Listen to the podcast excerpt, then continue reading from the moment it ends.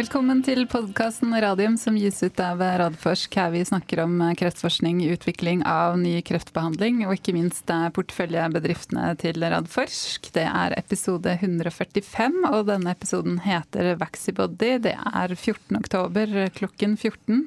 Velkommen i studio, Jonas Einarsson. Takk skal du ha, Elisabeth. Går det fint? Det går aldeles utmerket. Ja, det er ikke så verst. Nei da. Det går vel ganske greit med gjestene våre også, vil jeg tro. Agnete Brunsvik Fredriksen, medstifter, forskningssjef og president i Vaxibody. Velkommen i studio. Tusen hjertelig. Ja, Det går bra? Det går veldig bra. Ja, Så fint. Og Mikael Engsvig, administrerende direktør i Vaxibody. Velkommen i studio. Tusen takk. Hyggelig å ha deg her direkte. Sist gang var vel på telefonen til Det var det, i ja. Var. Det er deilig å være her. Ja, så bra. Det er deilig å være dansk i Norge også, si. Ja, det er det. Ja. Særdeles deilig. Det er ikke så verst. Um, vi har noe aktuelt uh, skjedd siden sist saker vi skal ta, før vi skal uh, dykke litt ned i både det ene og det andre. Um, vi kan begynne med Targovax. De har jo kommet med to meldinger. Det ene er at de har fullført første del av sin fase 1-studie i pasienter med kolorektal kreft. Mhm. Um, der kombinerer de Onkos 102 med den sjekkpunkthemmeren som heter Durvalumab. Hva kan du si om den studien?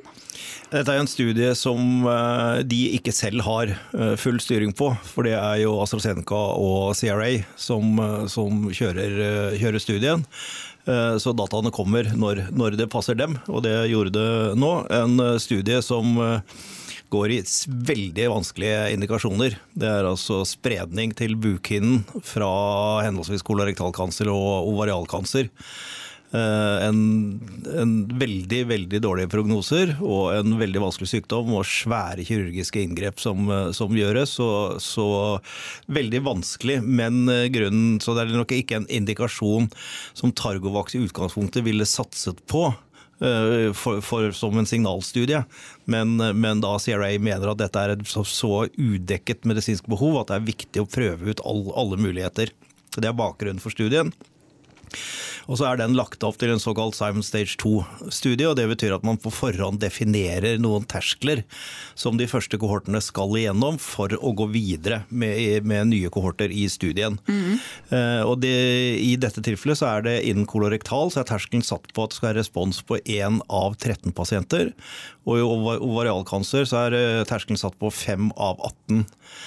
Eh, Og Årsaken til at disse tersklene er satt, er at det, hvis de når de tersklene, så har de litt bedre resultat av kombinasjonsbehandlingen enn historiske data på Durvalumab og andre checkpoint-inhibitorer alene. Så Det er for å vise at de har det, og da er jo da responsen forskjellig i de to diagnosene, og derfor er disse tersklene forskjellige. Eh, Og da har de ikke nådd eh, den terskelen med 5 av 18 responser i eh, ovarialkancer, så da blir den stengt ned. Mens de har nådd den i kolorektalkancer, og da åpner de kohort nummer to. Eh, Og det veldig positive her er jo at de faktisk har nådd den terskelen. Eh, Om det er én pasient av 13 eller 2 eller 3 eller 4 eller 5, det vet vi ikke før dataene presenteres. Og hvor sterke dataene er, det vet vi ikke, men de har faktisk oppnådd en synergistisk effekt foreløpig. Og det er, det er veldig positivt. Og, og også fordi at dette er å gi Onkos 102 intraperitonalt, som aldri har vært gjort før. Så det er en veldig spennende studie, og, og vel, blir veldig spennende å få dykke litt nærmere ned i dataene når de blir publisert fullt ut. Så bra. Neste det jeg har meldt er at de har fått innvilget et eh, europeisk patent på kombinasjonen av nettopp Onkos 102 med sjekkpunkthemmere. Det er kjempefint. Ja. Patenter er bra. Det er bra. Ikke sant, Agnete? Absolutt. Og så er det Nordic Nanovector. De har publisert prekliniske data på en musemodell der de viser at eh, betalutin kan forhindre at eh, pasientene, det blir jo da mus i dette tilfellet, utvikler eh, resistens mot rituximab. Det er da standardbehandlingen mot non-Hodgins lymfom. Mm. Hvor viktig er den studien for Nordic? Eh, For meg så er den kjempeviktig. Fordi det er dette prinsippet med at eh, man kan behandle eh, pasientene med betalutin når de er blitt resistente mot rituximab. Og årsaken til at de blir resistente er høyst sannsynlig at de har en mye mindre ekspresjon av CD20 på cellene. og, da, og Det er jo der rituximab binder seg, og da mister den eh, funksjonen etter hvert. Så vet vi jo ut ifra alle de studiene som er gjort tidligere, at det å gi betalutin til disse pasientene har en bra effekt. Eh, men det de har forsøkt nå, er å, da, å gi det samtidig med rituximab. Eh, og eh, De musemodellene, vel å merke at det er musemodeller, viser jo at det er en synergistisk eh, effekt. Fordi de har først behandla resistente mus med betalutin og får en bra respons. Så har de behandla de med kombinasjonen. og Da får de en mye bedre respons.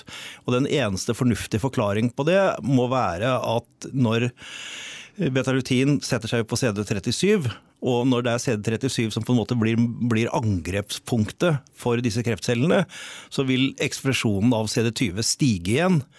Og de klonene som har CD20 vil vokse opp, og da kan man angripe de med retuximab. Så Hvis dette prinsippet fungerer i pasientene, så har vi på en måte en helt ny behandlingsform for rituximab-resistente pasienter. Og Jeg tror det er det som blir fremtiden. Betalutin er bra, og vil absolutt etter min mening bli en medisin og finne sin plass i sistelinjebehandlingen. Men her kan vi komme tidligere inn og åpne opp for en, en helt annen måte å behandle på. Så ja, det er mye studie, men det er veldig spennende data. Mm, så bra. Um, du har jo selv fått stor oppmerksomhet denne siste uka, Jonas. Uh, hele to intervjuer i henholdsvis uh, Finansavisen og DN. Jeg kan ta DN først. Denne mannen har utviklet mange av milliardeventyrene innen legemidler i Norge. Tjener ikke på det selv. Ja, Den vinklingen er noe så, da. Eh, det jeg har forklart er at jeg har ikke eierandeler i eh, disse selskapene. Det har heller ikke kollegaen min Anders Tuv. Eh, og Det var en beslutning jeg tok for en del år siden når vi begynte å bygge opp en portefølje. For hvis vi skulle ha det, så ville det blitt store spekulasjoner i hvordan vi satset, eventuelt solgte, i våre selskaper. Og hvis det er to selskaper som gjør emisjon samtidig, og vi hadde gjort liten investering i det ene og større i det andre, så hadde vi prioritert det, og så hadde det blitt masse spekulasjoner rundt det. Og Det ville ikke jeg skulle stå i veien for, at vi skulle kunne utvikle denne, denne næringen. Eh, så har jeg et styre som eh, er veldig hyggelig og setter min lønn og til tider bonuser, så jeg har ikke noe å klage på. Men, men, det er som du sier, det er viktig for tillit, ikke sant? Det er jo tillit man lever av. Det er tillitsbaserte. Vi har ja. klart, vi har, jeg har jobbet her med over 20 år med dette nå for å bygge tillit til Radforsk og til det, det vi gjør. Mm. Uh, og tillit som kjent, det tar lang tid å bygge opp, men kan rives ned veldig kjapt. Så, så sånn sett så tror jeg dette er riktig. Mm. Og så er det Finansavisen, bioteknologi til himmels på børsen. Det er Hyggelig overskrift. Ja da, og Bakgrunnen for begge de to henvendelsene og intervjuene og disse tallene vi, vi siterer eh, her nå, de skyldes jo i stor grad den supersuksessen til våre gjester i dag. Så det er jo det, er jo det som gir et veldig løft. og skal overlate det til, til de å forklare, men, men, for oss og Radforsk og hele den helsenæringen vi prøver å bygge opp, så er det så utrolig viktig med den valideringen som eh, de har fått av sin eh, plattformteknologi, som viser at vi kan utvikle den type ting i Norge, og at det er eh, mulig å utvikle det, og, og at dette ikke er noe sånn Bayadollar-avtale. Dette er en skikkelig greie. Mm. Så bra. Det var jo en eh, fin eh, bro over til gjestene våre. Vi må begynne med å si gratulerer. For nøyaktig Det er faktisk 14 dager siden i dag. Da ble dere historiske. Den største lisensavtalen i Norges historie med avtalen med Genentech. Og så for en uke siden, nøyaktig igjen, det er bra det, er bra det går med sju dagers intervaller her, så ble dere da notert på Merkur Market, som er en av Oslo Børs sine handelsplasser. Og dere ble ikke bare notert, men dere ble notert som høyest prisede biotekselskapet i Norge. Prisingen når dere ble notert var på 17,58 milliarder kroner, og sammenligner man da med Aker Biomarine på andreplass den dagen, så hadde de vel en prising på drøye 9 milliarder. Da kommer eh, sportsjournalistspørsmålet. Jeg klarer ikke å la være. Hva føler dere nå? Begynne med deg, Mikael, eller vil du at Agnete Jeg syns Agnete skal tale først. Det er jo, øh, det er jo DNA-et i Vaxibody. Nei, altså først det, er, øh, det har vært en langvarig prosess. Øh, så man har jo bygget opp eh, mange følelser rundt dette, og planer rundt dette. Eh, men det er, en, eh, det er en slags ro i kroppen nå, mm. fordi vi har eh, landet denne store, første veldig store avtalen for Vaxibody, som er en anerkjennelse for oss eh, eh, internt. Vi får jo enda mer eh, tillit selv til vårt, eh, vår plattform, og mulighetsrommet som ligger foran oss er nå kjempestort. Eh, både pga. anerkjennelsen, det faglige samarbeidet, men også de finansielle midlene vi nå har til å virkelig sette fart på videre utvikling. Og for meg personlig så er det jo en en slags eh, premie etter eh, 18 år med arbeid, eh, hvor jeg føler nå har vi liksom Nå kan jeg si at det, det var verdt det. Så det er liksom avslutning av en, oppoverbakke, mm. og så er det en basis for en ny, veldig spennende reise. Jeg tror du har uttalt noen ganger, Mikael, eller i hvert fall vært sitert på det i pressemeldingene, at dette er dette markerer på en måte en ny æra for, eh, for Vaxybody. Si litt om hva du Eller først må du si hva du føler, og så kan du kommentere det om Det, æra. det, det er jo meget lig Agnetes fornemmelse også. Altså det, det er jo en, øh, vi har arbeidet hårdt på det, og jeg kan jo i virkeligheten tage meget litt kredit ut av, av alt det, der er oppnådd. Det er jo, det mange års arbeid i en organisation, leveret av mange mennesker. Og det, det er, vi, vi samler det, det er en seier man ikke kan ta fra oss igen. Den her, den, den, den står for, for altid, og, og det, det føles helt specielt. Det er som en sten, der bliver, der bliver lettet fra hjertet øhm, at at være her. Og vi kan også mærke, at hele, hele verden kigger anderledes på os nu. Mm. Det kunne vi allerede mærke dagen efter. Og det, det er både investorer, øh, det er medier, men det er i særdeleshed også andre partnere derude, der har lyst til at arbejde sammen med os, der, der kigger på os på en helt anden måde nu. Så, så det, det er jo en, en fantastisk fornemmelse pludselig at, at være anerkendt i, i det selskab. Vi har jo altid selv haft stor tiltro til teknologien og platformen. Men at resten av verden øh, pludselig kipper med hatten og sier at det, det var så dels godt. Det, der. Det, det er en speciel fornemmelse. Ja, det vil jeg tro. Og så er det, som du sier, det er starten på, på en ny fase. For oss er det i princippet ikke, ikke så meget starten, for det er en forlengelse av en strategi, vi lagde i slutningen av 2019, starten av 2020. Uh, og som vi først eksekverede ved å gå inn i infectious diseases, eller infeksjonssykdom, hvor vi har satset benhårdt på å skabe et teknologiplatform selskab. Og øh, det her, det er næste skridt på den rejse, og, tillader os i den grad at trykke på gaspedalen og komme hurtigere fremad. Så, så det er på mange måder øh, også en forlængelse af den strategi, vi har lagt, som, som vi stadigvæk har stor tiltro til. Hva, hva følte du, Jonas?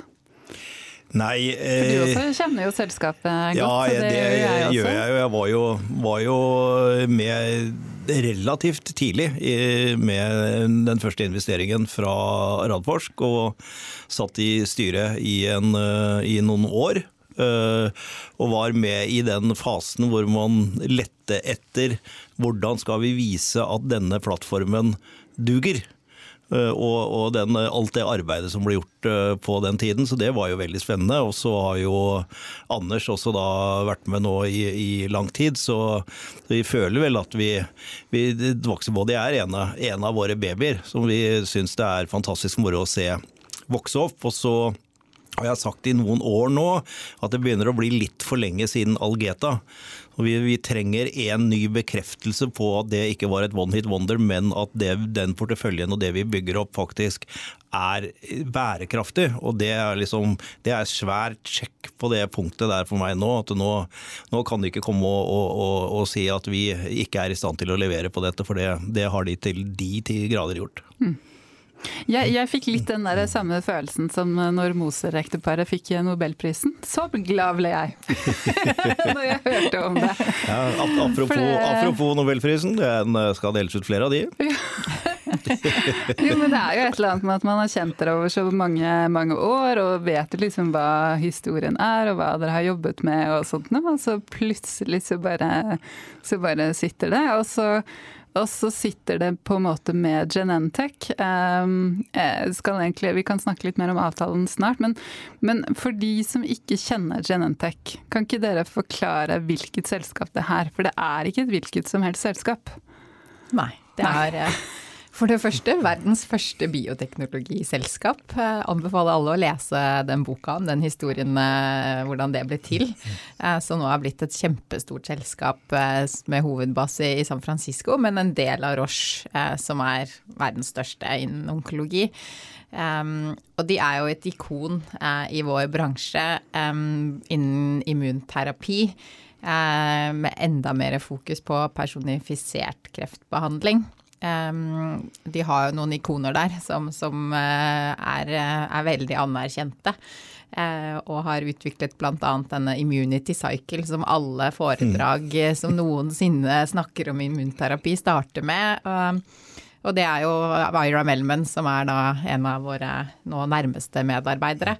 Eh, så det er et sånt eh, kvalitetsstempel, anerkjennelse fra de som sitter dypest inne i, eh, i vitenskapen, og med en mulighetsrom og en, en, en mulighet for oss å velge akkurat den partneren de selv ønsker å jobbe med. Og det at de har valgt oss, av alle, til å jobbe med noe så eh, avansert og ambisiøst som, som, vi hoppet på med i 2015 som personifiserte kreftvaksine, føles jo som eh, en ekstrem eh, anerkjennelse, ja. Mm.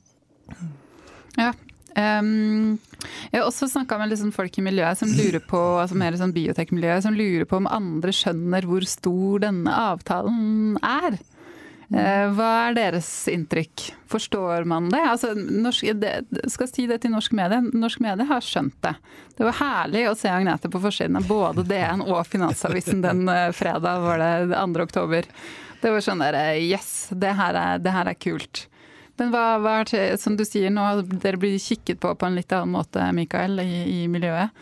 Ja, jeg, jeg, skal være helt ærlig, jeg tror stadig vi selv arbeider med å forstå hvor stor denne avtalen er. Ja. Så, men øh, så, som jeg sagde før, man kan mærke det på, på reaktionerne fra omverdenen. Altså selvfølgelig får vi en masse opmærksomhed fra Norge og fra Skandinavien, når vi lander sådan en aftale, men vi får også i, i den grad opmærksomhed fra resten av verden, og også fra USA begynder man at lægge mærke til det her.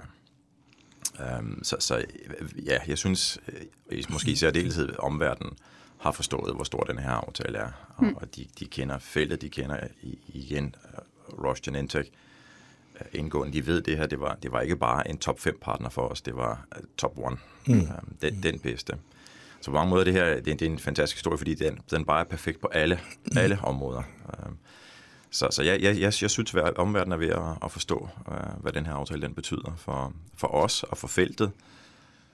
Så det, det tror jeg. Da, da, må vi nesten dykke litt ned i avtalen. Eh, men jeg snakka med deg på telefonen tidligere i dag, Agnete. og dere, Kan ikke du si litt om de omstendighetene nå med den Nå husker jeg ikke hva det heter engang. Trust? Et eller annet? Antitrust. Antitrust var det. Quiet ikke period, trust. silent period er det jeg syns er mest eh, behagelig å tenke på. litt grann stillhet og ro er det litt nå. Litt stillhet og ro. Eh, det er jo ikke det, men akkurat dialogen med, med Genente Scientec har jo vært eh, ekstremt tett i, i lang tid. Eh, og de er jo ni timer unna oss eh, tidsmessig, så, så, vi har jo ikke hatt mange kvelder hvor ikke vi har snakket på telefonene, Mikael. men nå er det sånn konkurransetilsyn eller antitrust mm. i, i da USA som, som, sitter og skal se gjennom avtalen at alt er gått sånn det skal, riktig på alle mulige måter. Og i den perioden så så har vi en silent period, da. Hva hvor vi ikke får lov dere til å være så stille? Nei, da får vi ikke lov til å kick off egentlig som samarbeide. Eh, vi skal ikke gjøre business før de har sagt at det er ok. Mm. Så nå, nå, venter vi litt på det. Og så går vi inn i en ekstremt tett samarbeidsperiode. For dette er jo både et forskningssamarbeid Tett samarbeid på bioinformatikken. Vi bruker jo mye bioinformatikk for å velge de neoantigenene til hver eneste pasient, så det skal vi jo jobbe med sammen med de. Og så selvfølgelig på produksjonen. De har jo enorme kunnskaper der på produksjon eh, av personifisert medisin. Og vi har jo vår kunnskap på bakgrunn. Og så eh, skal vi jo da også lage en studie sammen først, som vi operasjonaliserer, fordi dette er jo veldig eh, Det er jo veldig mange ledd, veldig mye som skal til. Så det er ikke bare å overføre fra en dag til en annen. Vi sitter jo på veldig mye erfaring om hvordan vi har gjort dette tidligere, som, som de vil lære av, og eh, forberede seg på den perioden hvor de da skal ta over alt. Og bære alle kostnader og operasjonalisere alt i utviklingen videre og kommersialiseringen. Mm. Men, det, men det samarbeidet og den studien dere skal i gang med, kan du si litt mer om den, eller er det Går denne uh, silent, går det over på Ja, silent. går, det, går det dypt ned i disse tingene også? Ja, nei, det er jo på en måte de som eier dette programmet fra og med to uker siden. Eh, sånn at eh, det er også noe som vi er i dialog med. Det er veldig viktig for oss nå å eh, være i enighet med Genentech om eh, absolutt alt som kommuniseres og gjøres videre. Eh, vi vil jo være en god partner for de, så, så nå er vi jo litt stille, da. Eh, I forhold til hva vi kan si, inntil Genentech sier, gir oss grønt lys til å si, si mm. alt vi kan si i framtiden. Um, så det er, jo, det er, jo, sånn det fungerer, det. Um, hva studien innebærer, er jo, det er jo en uh, studie da, hvor vi skal teste de personifiserte vaksinene våre med da innspillet fra Genentech og deres uh, store kunnskap på feltet, og, uh, og sammen med deres sjekkpunkthemmer Atesolizumab. Så kommer det vel mer liksom, informasjon om den studien og videre program ut etter hvert. Mm. Mm. Men det eh, må jo være utrolig eh, morsomt for dere også å kunne liksom samarbeide med noen av de beste ja. altså, menneskene ja. Innen dette. Og det tror jeg er ekstremt stimulerende for alle som jobber hos oss. Det, jo, det involverer jo så å si alle, alle ansatte eh, som sitter i team og, og har dialog da med, med den mest ekstreme kompetansen på feltet som finnes. Så vi lærer jo Mm. Kjempemye. Og det har vært en sånn kanskje litt overraskende hyggelig eh, dialog, hvor de har jo valgt å, å investere i vår teknologi, og det er jo basert på at de syns at det vi har gjort er bra. Mm. Eh, så selv om vi er et lite norsk selskap, så har det vært veldig mye Eh, tillit, og de hører mye på oss. Og, og det er en veldig god dialog eh, hvor vi som, også kommer til å lære kjempemye eh, framover, som vi kan ta med oss for alle de andre programmene og nye produktene som vi skal utvikle. Mm. Ja, det på, det må være en vanvittig mulighet for kompetanseheving av mm. av hele staffen hos dere. Absolutt. Ja, Det er så gøy. Um, Mikael, kanskje du kan gi en beskrivelse av selve avtalen for de som ikke har nilest pressemeldingene og lest det som har vært i media? Ja, Det er jo en, på mange måter en, en, en standard lisensavtale. Dvs. Si at vi gir en lisens til Genentech til å utvikle uh, og registrere, uh, produsere og kommersialisere vårt produkt. Og det er globalt, så, så de har taget øh, licens på det produkt til, til hele verden. Og så øh, er der, som Agnete hun siger, en fase, hvor vi samarbejder. Og det gør vi ikke, ikke mindst, fordi der er noget viden, der skal, der skal overdrages, og der er også noget viden, hvor vi kan hjælpe hinanden. Um, og det vil vi gerne gøre på en måde, uden at tabe momentum. Så, så vi har aftalt, at vi påtager os dele af de aktiviteter øh, frem mod et punkt, hvor vi overdrager alt til Genentech. Og der går nok nogle år, inden vi når dertil. Øhm, og derefter så er det i princippet dem, der skal køre det, køre det færdigt. Og helt som er standard for den type aftaler, så ligger der det, der hedder en, uh, en upfront-betaling, altså det vil sige en betaling, der falder øjeblikkeligt. Og der ligger nogle såkaldte milestones, eller milepæle, der bliver betalt, når vi når visse punkter i, i udviklingen, eller, eller i, i virkeligheden også, når Genentech når visse punkter i udviklingen. Og så ligger der øh, betalinger knyttet til salget, og der ligger selvfølgelig lige så vigtigt, og det er meget vigtigt for os at fremhæve, en såkaldt royalty, på, øh, som, som er en mm. procentsats af det salg, vi, vi øh, håber på at opnå en gang i fremtiden. Mm. Og det er jo værdimæssigt øh, ganske meget, der ligger der. At det, det er jo rart at få en upfront-betaling, men hvis man ser på den samlede værdi af den her aftale her, så er det i virkeligheden øh, værdien fra, fra de royalties, der kommer fra salget i fremtiden, der kommer til at betyde mest øhm, for selskabet. Mm. Så, og derudover kan vi selvfølgelig ikke komme meget tættere ind på, hvad sådan en aftale øh, indebærer. Det, det, det har vi ganske simpelthen ikke lov til fra kontinentet. Mm. Ja, men øh, vi, vi, vi ser jo, altså fordi med de tallene som er kommet med, med upfronten, Og det du glemte å si, near term payment. Eh, jeg vet heldigvis ikke noen detaljer om dette, til tross for at Anders Tuve er styreleder. Vi har et beintette skott der, så jeg kan eh, tillate meg å kommentere det. Men near term payment er som regel datostyrt og ikke hendelsesstyrt. Og Det betyr at vi snakker om 200 millioner dollar som tikker inn ganske kjapt. Det er ganske mye penger. Det er 2000 millioner norske kroner. Eh, og så, er, så aner ikke jeg da om de andre milestonene er dato- eller hendelsesstyrt. Det kan være at det er en blanding av det, eller det kan være bare hendelsesstyrt. og Det kan de ikke kommentere på. Nei, men, det men med- det betyr på en måte at det skal veldig mye altså Jeg tror at dette her selvfølgelig blir et produkt, eh, og at utviklingen kommer til å gå, gå ganske raskt. Så det som kan oppnås frem til produkt, er jo kjempestore beløp. Og så vet vi at de har forhandlet seg til en, en royalty som er 10% pluss. Og hvis dette blir en blockbuster, så kan man begynne å regne på hva 10% pluss er av en blockbuster eh, i året. Det er eh, solide inntekter over, over lang tid. Så det er, sånn viktig. det er to ting med den avtalen, og det er å presisere størrelsen på den. Det er altså ikke en biodollar-avtale. Som eh, vi, vi har sett tidligere, hvor man får en veldig liten upfront, og så kommer liksom milestonene veldig veldig langt fram i tiden, og kanskje en royalty helt eh, på slutten. Så det er helt annerledes sånn.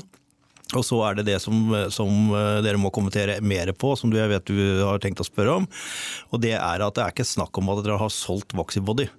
Dere har lisensiert ut en del av en teknologiplattform, og da sørget for at de andre delene kan også gjøres avtaler på. Så det er en, eh, en veldig, veldig spesiell avtale. Sånn sett, jeg vet at det har blitt sagt at eh, Når vi har sagt at det er den største avtalen, at uh, Algeta jo ble solgt for 2,8 milliarder. Men det var et salg av et selskap. Mm. Det er jo ikke en lisensavtale. den, de gjorde jo en lisenssamarbeidsavtale først. Men var Den var 2009. atskillig mindre enn denne. Så, Mm. så det er riktig at det er den største ever i norsk biotek. Husker du hvor du var når de gjorde den lisensavtalen? For det Ja, det husker jeg. Vi var i, Frank nei, vi var i, i Frankrike? Frankrike. Ja, på et ja, 2009, var det ikke det? ja, det var et av våre første sånn European eh, Council Cluster Meeting, hvor vi kom med bitte lille Oslo Council Cluster ned der. Og så akkurat, det var like før jeg skulle på scenen, så kom, eh, tikka det inn meldingen om at den avtalen var inngått, så den timingen var bra. Litt stressa kommunikasjonssjef måtte løpe rundt og lage ny slide. det husker jeg. Men um, er, har dere mulighet til å si hvor lenge dere har vært i dialog med Genentech? Eller er det også hemmelig? Ja, vi, vi har faktisk ikke lov til å si Nei. det. Nei, Øh, men, men, øh, men det er ikke noe der kommer over en uke, det, det kan vi godt si. Når dere skal er skrive historien om Vaxibody, da kan dere, da kan dere si det. Ja. Ja. Jeg tror, det man kan si der, der er interessant, og det kan du kommentere på også, det er, det er jo ikke noe der sker. øh, Det er ikke binært. Det er ikke sånn at der ikke er en kontakt, og plutselig er der en kontakt. Det her det er jo en relasjon der bygges opp Ja. over lang tid. Og det er jo der, hvor, hvor, hvor jeg kan sige øh, på vegne af Agnete, Agnete er ekstremt dygtig til at bygge de relationer op med, med partnere, altså potentielle partnere, flere år før vi ved, om det bliver en relevant partner Ja. så er Vaxibody allerede via øh, Agnete og hendes team ved at bygge de relationer op og skabe den interesse og den fascination for vores teknologi hos partnerne. Så når vi går i rigtig dialog med dem, så har vi ofte en, en såkaldt champion, som vi siger det, i, i deres, øh, højt placeret i deres, i deres videnskabelige afdelinger, der kender teknologien indgående, Mm. mm. kender Agnete og hendes team, og derfor har en stor tillid til, og, øh, til selskabet og en stor lyst Mm. til at arbejde sammen med os. Og så har jeg jo skjønt at eh, sånn etter at denne dialogen ble liksom litt mer konkretisert, da, da har det vært eh, tett dialog og mye arbeid. Det har vi jo hørt fra Anders Duv, som er Mm. da styreleder i Vaxibody, men investeringsdirektør i Randforsk. Em, hva, hva er det et selskap vil se på når de eh, skal de da ha alle data? De, hvordan foregår dette her? For det tror jeg ikke er så mange som veit. Og igjen, dere sier hva dere kan si, og så Nei, altså dette er jo Genentech. De investerer ikke lett. Eh, De skal jo være så sikre som de, de kan eh, bli på at eh, de tar et valg basert på all informasjon som er tilgjengelig. Så vi har vel ikke noe hemmelige dokumenter igjen, tror jeg. Det er alt som fins av avtaler fra, fra husleiekontrakter nærmest til til alle samarbeidsavtaler vi har inngått, til alle data, kliniske data, prekliniske data, altså alt. Og her er det jo både bioinformatikk og produksjon og så jeg føler jo eh, Sånn sett så er det jo ikke bare en sånn anerkjennelse som kommer fordi de syns det så fint ut utenifra. Jeg syns jo dette er en anerkjennelse fordi de også vet hvordan vi ser ut på innsiden. Mm. Um, og at det, det, var bra nok. Uh, så det er en kjempestor del av uh, forhandlingene. Vi har jo denne her uh, mange, mangesiders avtalen hvor hvert eneste ord skal være riktig og man skal bli enige om. men også en stor del av denne forhandlingen har jo vært at de skal ha innsikt i alt hvordan vi har tenkt, og hvorfor vi har tenkt, og hvordan vi har dokumentert alt vi har gjort i alle år. Mm. Der, der, der, er to ting jeg tror der er viktige for en teknisk uh, anerkjennelse eller validering, som vi sier det er vores platform. Det ene er de kliniske og prekliniske data, som man egentlig sier. Men de har også vært igjennom vores patentportfølje. De har vært helt nede i maskinrommet og sett hvordan mm. vi har gjort det. Um, og det, det, betyder også noe for omverdenen at, at vite at Genentech har der haft deres folk nede og se på vores patenter og har sagt de, de ser fint ut. Ja, Det er jo en litt sånn flying start for, for, å forhandle med andre partnere. For eh, de kommer ikke til å legge så mye jobb og tid ned i det når de vet at Gentent har sagt at den patentporteføljen, den er i orden. Og, og også alt det juridiske og det med å ha lov til å inngå kontrakter, som du sier. Det er helt ned i husleiekontrakter og vaktmesteravtalen. Altså det er, jeg kan si det på generell basis, dette er en utrolig vanskelig prosess. Uh, ha den da, det stempelet fra Genentech gjør jo at dere, liksom, dere starter liksom på nivå 5 istedenfor på 0,2, mm. som dere måtte denne gangen. Og det gjør ting uh, lettere i forhold til det. Mm. Så kan jeg si på generell basis også i tillegg at jeg vet at de må ha gjort en utrolig jobb på dette med å finne grensene for denne lisensavtalen mot mulige lisensavtaler senere. For hvis du gjør en dårlig jobb der, så kan du plutselig ødelegge for muligheten til å lisensiere ut en annen del, fordi den da er, står noe i denne avtalen som gjør at du ikke kan inngå den andre avtalen. Så det å utlisensiere en del av en teknologiplattform, det er hæren meg en vitenskap i seg selv. Altså. Så det å få til det, det er eh, det er bra. Mm. den, men da kan vi gjerne ta det med en gang, for det er et spørsmål jeg har. Så den avgrensningen mot resten av plattformen deres, hva, hva innebærer det? Altså Genentech har nå rettighetene til VB10 Neo, og resten har dere. Mm. Det, det, sier de og ser på hverandre i studio nå. ja, så det er den personifiserte, den som du lager en vaksine per pasient, mm. eh, som de da har rettigheter til. Og det vil jo si at alle vaksiner både innenfor kreft og infeksjonssykdommer, eventuelt andre felt, eh, det bevarer jo vi. Eh, så, så, og det er jo liksom det det som er viktig her med at det er en plattform, det er ikke bare at vi har fem produkter eller mulighet for fem produkter, og de har tatt ett av dem. Men siden det er en plattform, så er deres eh, validering og anerkjennelse av plattformen gjør jo at vi også starter på nivå fem mm. Eh, når det gjelder utviklingen av de, av de, resterende produktene som baserer seg på, på den samme plattformen. Eh, og det har vi jo da bevart rettighetene til å utvikle selv, mm. så, så det er jo det vi fokuserer mye på nå. Mm.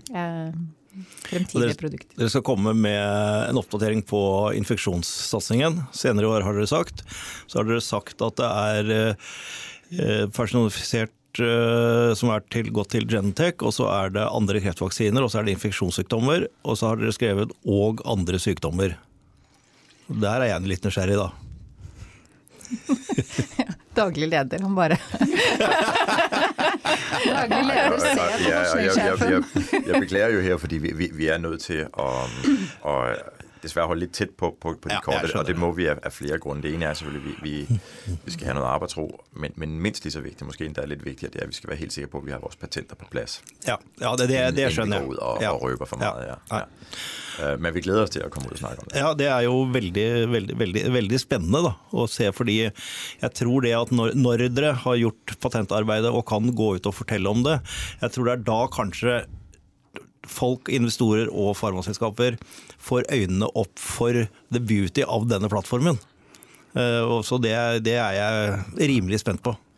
Men jeg, jeg synes, I kommer ind på nogle rigtig gode punkter i, i forbindelse med udfordringen ved at lave en licensaftale, når man er et teknologiplatformselskab. Det er helt anderledes, end hvis man er et pipeline-selskab. Ja. Det er ret nemt at isolere et enkelt produkt ud og, og skabe en licens til det, men, men at lave en licens ind i en del af et platformselskab, det uh, kræver altså det kræver sin mand. Og, um, jeg tror godt, vi kan røbe, det er det, vi har brugt mest intellektuel energi på i den seneste tid i, i de forhandlinger. Mm. Det er at lave en klar afgrænsning, således at vi er i stand til at forhandle med, med anden part og tredje part og fjerde part. Mm. Og det, det, det bliver en klar besked til alle, der vil forhandle med os. Vi kommer til at bruge lige så lang tid på at lave klare afgrænsninger på de fremtidige ja. aftaler, så vi har plads til at lave mm. rigtig mange aftaler inden for det her. Og det, det er en specifik udfordring, der gælder teknologi plattformselskaper. Og alle, alle, som er så utålmodige med at uh, eh, PCI skal bli ferdig med sin avtale med AstraZeneca, kan, kan kanskje høre på dette og få litt respekt for hvilken type arbeid som ligger inne. Så det tar den tiden det tar. Og det er det ikke det lille selskapet som kan sette noen tidsfrister for. Så sånn er det bare. Mm. Når, eh, når skjønte dere at det kom til å gå veien? Nei, jeg er litt nysgjerrig på. Det sånn, for jeg må jo ha sånn, ikke sant. Dere jobb, jobbet over mange, sikkert, nå vet vi ikke sikkert, måneder kanskje. Og hatt mange lange møter som går utover kvelden pga. den tidsforskjellen på, på, ni timer. Altså, hadde dere noe på en sånn periode sånn følelse av at nei nå, nei, nå går ikke, eller nei, nå, det her går. Det her går. Ej, vi har haft mange op- og nedture, vil jeg sige, i, løbet af den her. Der, og det er jo en gradvis proces. Det, det er jo ikke binært. Og så vinder man små kampe, og så tror man, man har vundet små, små kampe, og finder ud af, at, at den skal man lige til at genforhandle igen. Så, så, så det har været noget af en rollercoaster, øh, emotionelt også. Jeg tror personligt, så, så følte jeg ikke, den var helt hjemme for et par dage øh, før. Og, og der var vi jo stadigvæk et par dage fra, fra en underskrift. Men, men der, der havde vi alligevel en aften, hvor vi også snakkede sammen med advokaterne og sagde, nu, nu er vi der. Um, og jeg tror, der var nogen af os, der fældede en tårer uh, den aften. det, det jeg selv gætte, hvem det var. men, men det, vi skal altså et par dage, uh, vi, skal, vi skal helt frem til et par dage ja. før, ja. der, der følte vi, nu, nu var den ved at være der. Mm. You need the wet ink. Ja. Ja, for det er jo noe med det. Men jeg kan forestille meg virkelig at det har vært en sånn, ja, som du sier, følelsesmessig berg-og-dal-bane. Og spesielt når man jobber så hardt med det, da, og på en annen tidssone også. Da blir man jo litt sånn ho. ja, ja, det var perioder der hvor vi var eh, var litt slitne, må jeg innrømme. Og det er mye advokater og advokatmat og buckets og ditt og datt. Eh, så, så ikke alltid like, like eh, morsomt. Men eh, jeg har jo ganske sånn tiltro på at vi skulle få landet den. Men det var interessant hvor emosjonelt det allikevel var når de ringte du ringte, og advokaten i USA ringer og sier at nå er vi der. Eh, det var en enorm lettelse allikevel. Selv om alt gikk liksom riktig veien hele tiden, så, mm. så var det det, altså. Og enda kanskje Eh, deiligere å fortelle omverdenen om dette. For vi har jo liksom Vi har jo På et tidspunkt måtte vi jo ta det for gitt at vi skulle få til å lande dette og planlegge for å være klar. Vi jo, sitter jo ikke i dag og ikke er klar eh, for å ta tak i, i, i, dette og drive det videre basert på den avtalen vi har fått. Da. Eh, så vi har jo liksom jobbet med det lenge. Mm. Men, eh, men, det å få den underskriften og være helt klar, og kunne fortelle til omverdenen ja, Ikke minst. At det, er, mm. Eh, mm. at det fungerte. det var veldig stort, det. Mm. Det, ja, det skjønner jeg. Uh, vi har vært innom Anders noen ganger. Kan ikke dere si litt om hans rolle inn i dette arbeidet? Han tok jo over som styreleder hos dere i januar i år. Og jeg er faktisk glad for, at du spørger, fordi øh, efter to uger, hvor der har været utrolig meget opmærksomhed på, på Vaxibody og selskabet, og, og ikke mindst øh, grundlæggeren, så, så synes jeg faktisk også, man fortjener at, at reflektere lidt over øh, formandens, Anders Tyvs, betydning for det her.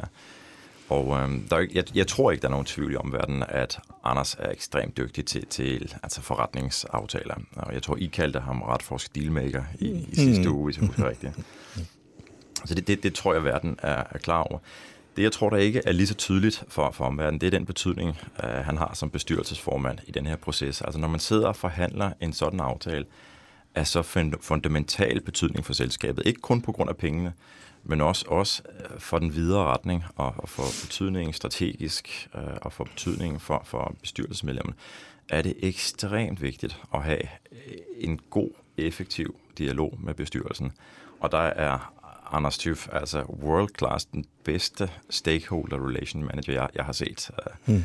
Så vi kunne ikke have ønsket os en bedre chairman of the board i, i den her periode her. Han har været eminent til at sørge for en effektiv dialog mellem, øh, mellem forhandlingsteamet og bestyrelsen, og sørget for, at det er glædet gnidning, gnidningsfrit, har haft gode diskussioner, og der har vært minimale øh, energilekkasjer, som, som man ellers risikerer i denne mm. proces her. Øh, så er han, han er dygtig til, til det forretningsmæssige. Mm. Øhm, og så er jeg også imponeret af, af, hvor hurtigt han samler op på alle de tekniske aspekter også. Det, ja. det imponerer mig til stadighed. mm. Så jeg, han, han fortjener virkelig meget ros øh, og opmærksomhed, så jeg er glad for, at du spørger øh, i, for den her proces også. Det, det, det må jeg sige, det, det er world class, det han har lavet. Mm.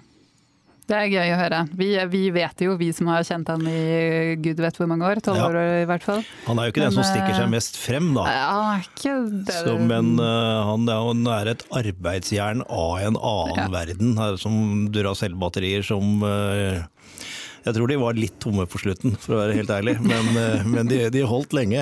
Så det er eh, Nei, jeg syns det er veldig hyggelig, Mikael. Du sier det, for eh, jeg sitter jo og ser på den jobben og har fått gleden av å jobbe sammen med Anders nå i ja, vel drøyt ti år. Og han er Han også er en likandes kar, altså. I, I, tillegg, så han Den rosen har han fortjent. Mm. Absolutt. Um, det, vi har fått noen spørsmål tidligere i podkasten også om eh, oppdatering på kliniske dataene. På da personen Hva er det du kaller den for noe nå? Person, jeg pleier å si persontilpassede vaksinen, men du har et annet ord. Jeg, kall, jeg Personifiserte? Ja. ja. Vi, vi, ehm, kan bruke hva som helst. da kan vi kalle den den heter, da, Webetineo. Ja. ja. Det mest, det mest riktige. Um, I hvert fall oppdatering på kliniske data. Er det dere som nå kan publisere disse dataene, eller er det Genentech som har rettighetene og det er Genentech som eier dette nå. sånn at uh, hvis vi skal si noe om VB10 Neo fra og med to uker siden, så er det under enighet med, mm. med Genentech. Vi, uh, vi, vet jo for så vidt ikke ennå hva vi kommer til å få lov til å ytre fra vår side, og hva de vil si. Um, men dette vil uansett være i, i enighet med, med Genentech. Ja. Mm. Den er god. Da må vi over til resten av, eh, av te plattformteknologien. Nå har vi jo vært eh, innom eh, mye av det. Um, du, jeg tror du stjal alle spørsmålene mine. Ja, jeg gjorde vel det. Søren for at jeg deler manus med deg, altså. sånn er det med den saken. Um, nå må jeg bare rulle nedover her. Ja, vi, jeg tror vi egentlig har vært gjennom de spørsmålene vi hadde på det. For dere kan vel egentlig ikke si, si, noe mer om tidsaspektene for uh, verken Altså infeksjonsmedisin skjer før jul. Ja. Det er det dere har guidet på der. Uh, andre ting, der er det patenter som pågår, og der kan dere ikke si noen ting. Nei, det har vi vært innom. Uh, altså, Jonas hadde en god pointe uh, frem omkring det her med, uh, med hva er de videre muligheter for, for samarbejde. Og øh, det har vi, vi har forsøgt å gjøre mye ut av å kommunikere de siste uge. At øh, vi er som sagt et teknologiplatformselskab. Vi har en vision om at blive verdensførende vaccineteknologiplatformselskab, der udvikler det, vi kalder game-changing medicin til, til patienter. Og det gør vi inden for et stadig stigende antal terapiområder. Og uh, det, det, der har været vigtigt for os at frem, det er, at vi føler, at vores teknologiplatform er ekstremt velegnet til uh, samarbejde i de tidlige stadier også. Øh, hvor vi søger de bedste partnere ude i verden og, og indgår øh, meget tidlig stadie teknologifokuseret samarbejder. Og det, det, det er et budskab, vi har gjort noget af mm. på at, mm. at få frem til, til, til markedet. Um, at det, det er altså en vigtig del af vores strategi mm. at gå den vej også. Og, og der føler vi jo, vi, nu er det ikke fordi, vi mangler de finansielle midler, men vi føler alligevel kompetencemæssigt, hvis vi kan sætte os sammen med nogle af de førende inden for de områder her, så kan vi i den grad få accelereret udviklingen mm. af vores platform og udnyttet alle mulighederne. Så, så det er i hvert fall en, en retning vi satser hardt på. Ja. Ja, jeg synes det er, et, det er et veldig viktig poeng, for det er helt riktig som, som Mikael sier, at man kunne nå sagt at ok, nå har vi skaffet den finansielle plattformen, nå skal vi utvikle ting selv hele veien. Men med størrelsen på selskapet, og med at dette er så komplisert vitenskap og teknologi, så trenger man gode samarbeidspartnere. Fordi alle ønsker jo at produktene skal komme så fort som mulig ut til pasientene. Så med tanke på det, så er det en utrolig viktig og riktig strategi, mener jeg. At man da er villig til, selv om man har den finansielle plattformen i orden, er villig til å gå inn i tidlige samarbeider for å akselerere utviklingen. Så jeg, jeg tommel opp fra meg på denne strategien. Jeg syns jeg er veldig bra. Absolutt. Og, det, og en ting er jo at dere nå har de økonomiske musklene selv, men da kan dere jo også dele den finansielle biten, byrden også, det faktisk er å gjøre kliniske studier. For det koster ganske mye.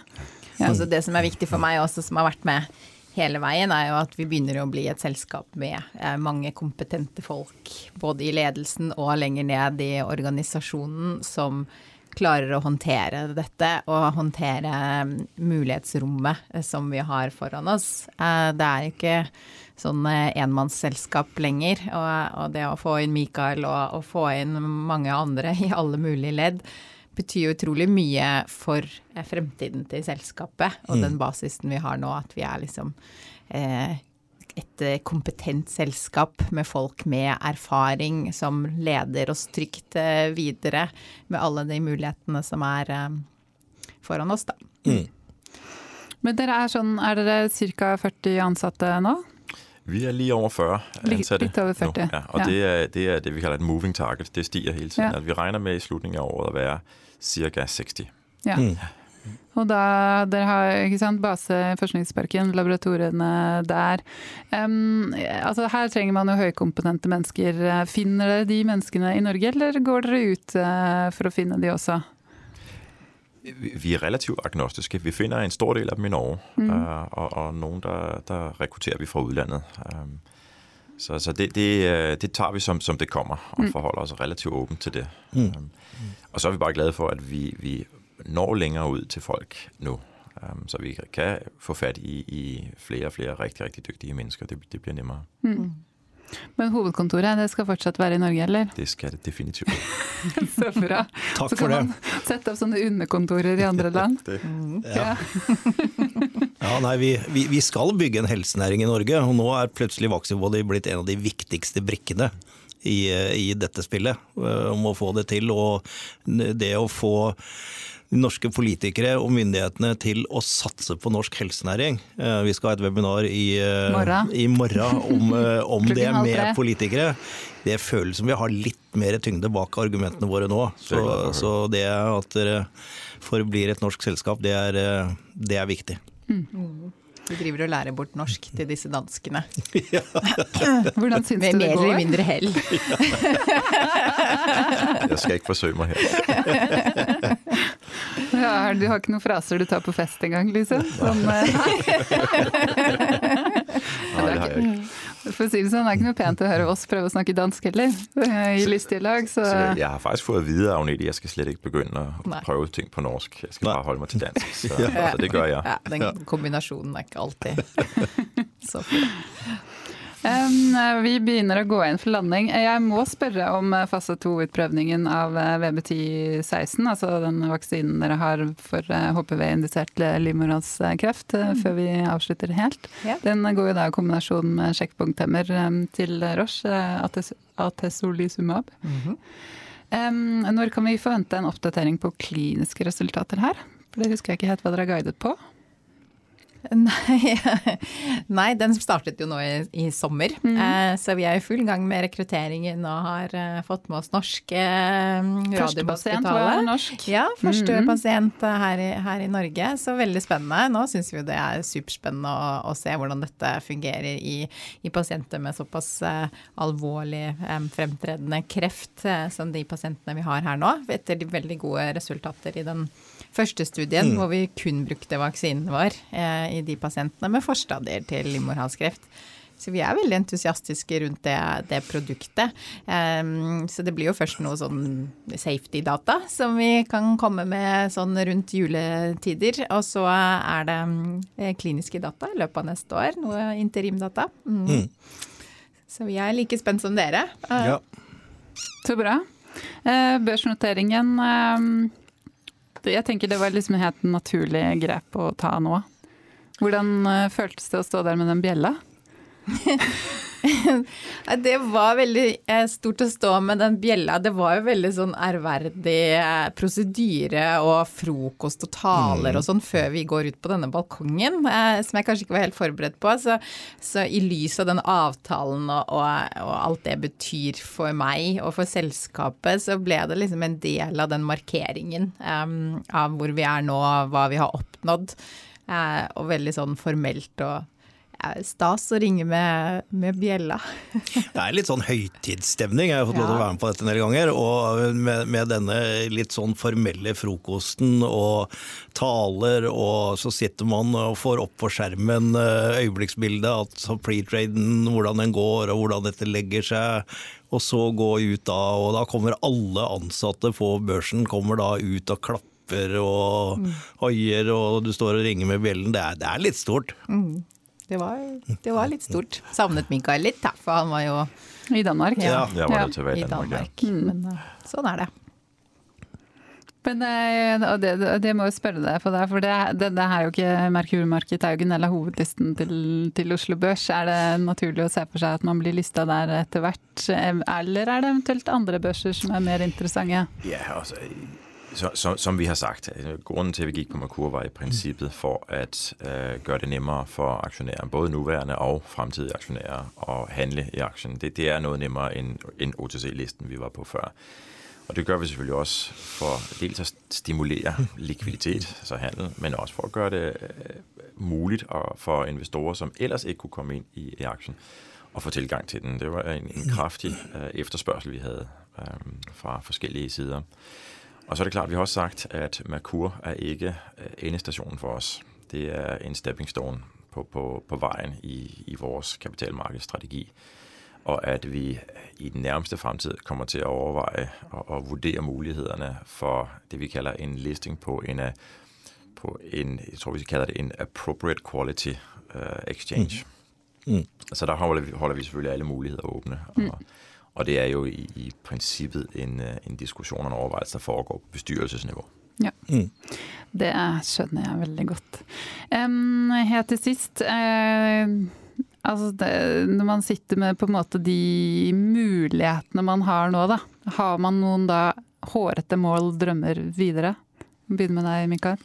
Jamen, jeg, jeg har sagt det et par ganger, at, at jeg ser meget gjerne Vaxebody blir et globalt biotekselskap. Um, og vi har jo noen, noen få av dem i, i Skandinavien, men, men, jeg ser gjerne vi kommer opp på, på, på det nivå. Vi, vi, blir også sammenlignet med noen andre spennende selskaper ute i verden, hvor jeg gjerne ser oss komme ut og, og få fatt.